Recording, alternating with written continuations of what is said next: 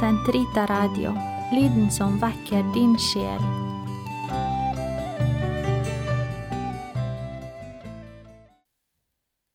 Den katolske kirkes katekisme, uke 33, onsdag 592 til 598. Kort sagt Jesus har ikke opphevet loven fra Sinai, men han har oppfylt den så fullkomment at han åpenbarer den egentlige meningen med den og soner overtredelsene av den. Jesus æret tempelet ved å dra opp til det på pilegrimsferd ved de jødiske fester, og han elsket denne Guds bolig blant menneskene med en nidkjær kjærlighet. Tempelet er et forvarsel om hans mysterium. Når han forutsier at det skal bli ødelagt, viser dette til at han selv blir tatt av dage, og at en ny tidsalder i frelseshistorien innledes hvor hans legeme er det sluttgyldige tempel.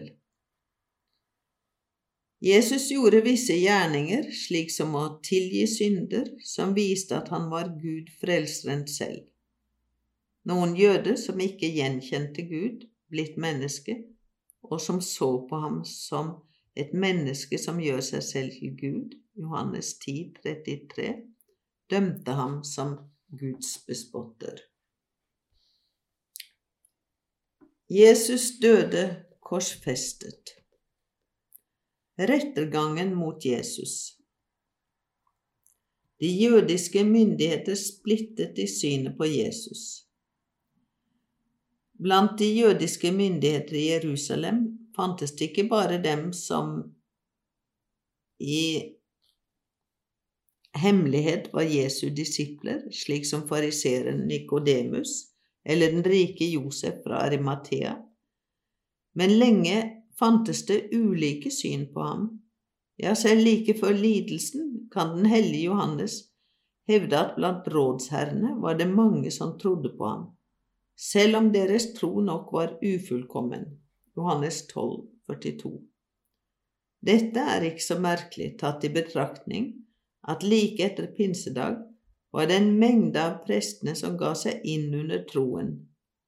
Apostelgjerningene 6, 7 og at noen av fariseerne var kommet til troen, apostelgjerningene 15.5, slik at Sankt Jakob kan si til Sankt Paulus, Du ser, bror, hvor mange tusener jøder som er kommet til troen, og alle holder de fast ved loven, apostelgjerningene 21.20.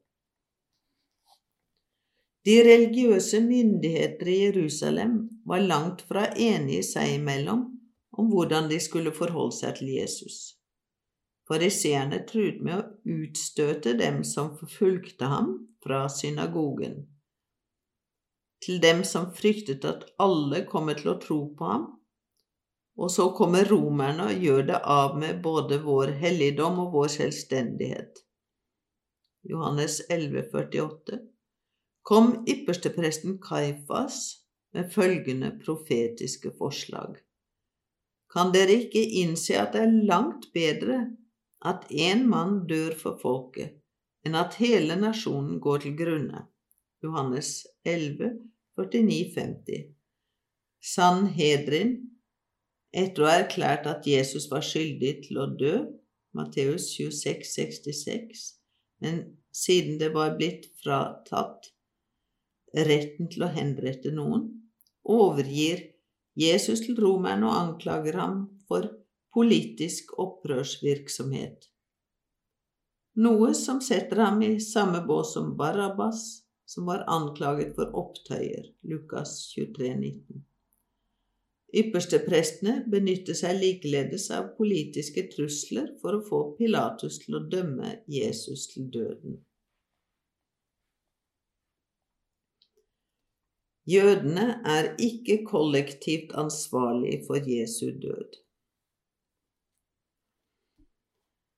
Den historiske kompleksitet ved rettergangen mot Jesus slik den fremgår av evangelienes beretninger, og uansett personlig skyld hos dem som opptrer i den, Judas, Sanhedrin, Pilatus, en skyld Gud alene kjenner, kan man ikke legge ansvaret for den på alle jøder i Jerusalem, til tross for skrikene fra en opphisset folkemengde og generelle anklager i oppfordringene til omvendelse etter pinsedag.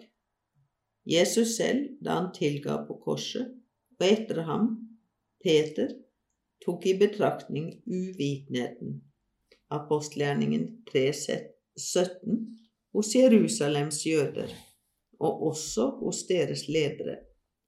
Enda mindre kan man med utgangspunkt i ropet fra folkemengden. Hans blod komme over oss og våre barn, noe som innebærer en godkjennelse, utvide ansvarsforholdet til å gjelde andre jøder til andre tider og på andre steder. Derfor erklærte Kirken ved det annet Vatikankonsil. Ansvaret for det som ble gått under hans lidelse, kan ikke tillegges alle de jøder som levet den gang, og heller ikke jødene i vår tid. La ingen stemple jødene som forkastet av Gud eller forbannet, som om dette skulle fremgå av Den hellige skrift. Alle syndere var skyld i Kristi lidelse. Kirken, både ifølge troens læreembete og etter de helliges vitnesbyrd, har aldri glemt at synderne var selv opphav og redskap for alle de lidelser den guddommelige frelser gjennomgikk. Siden våre synder sårer Kristus selv, nøler ikke Kirken med å legge det største ansvaret for Jesu pinsler ved de kristnes dør et ansvar de bare så altfor ofte har lesset på jødene alene. Vi må anses som skyldige i denne grufulle synd dem som fortsetter å falle tilbake i sine synder, siden det var vår brøde som gjorde at vår Herre Jesus Kristus måtte underkaste seg korsets pine, er det sikkert og visst at de som kaster seg ut i et uordentlig og ondt liv, selv er med på å spikre Guds sønn til korset og gjøre ham til spott for alle. Hebreerne 6,6. Og vi må bare innse at i slike tilfeller er vår forbrytelse større enn jødenes. For, slik apostelen vitner, hadde de kjent til det, da hadde ikke korsfestet ham som er herlighetens herre. Første kor 2,8.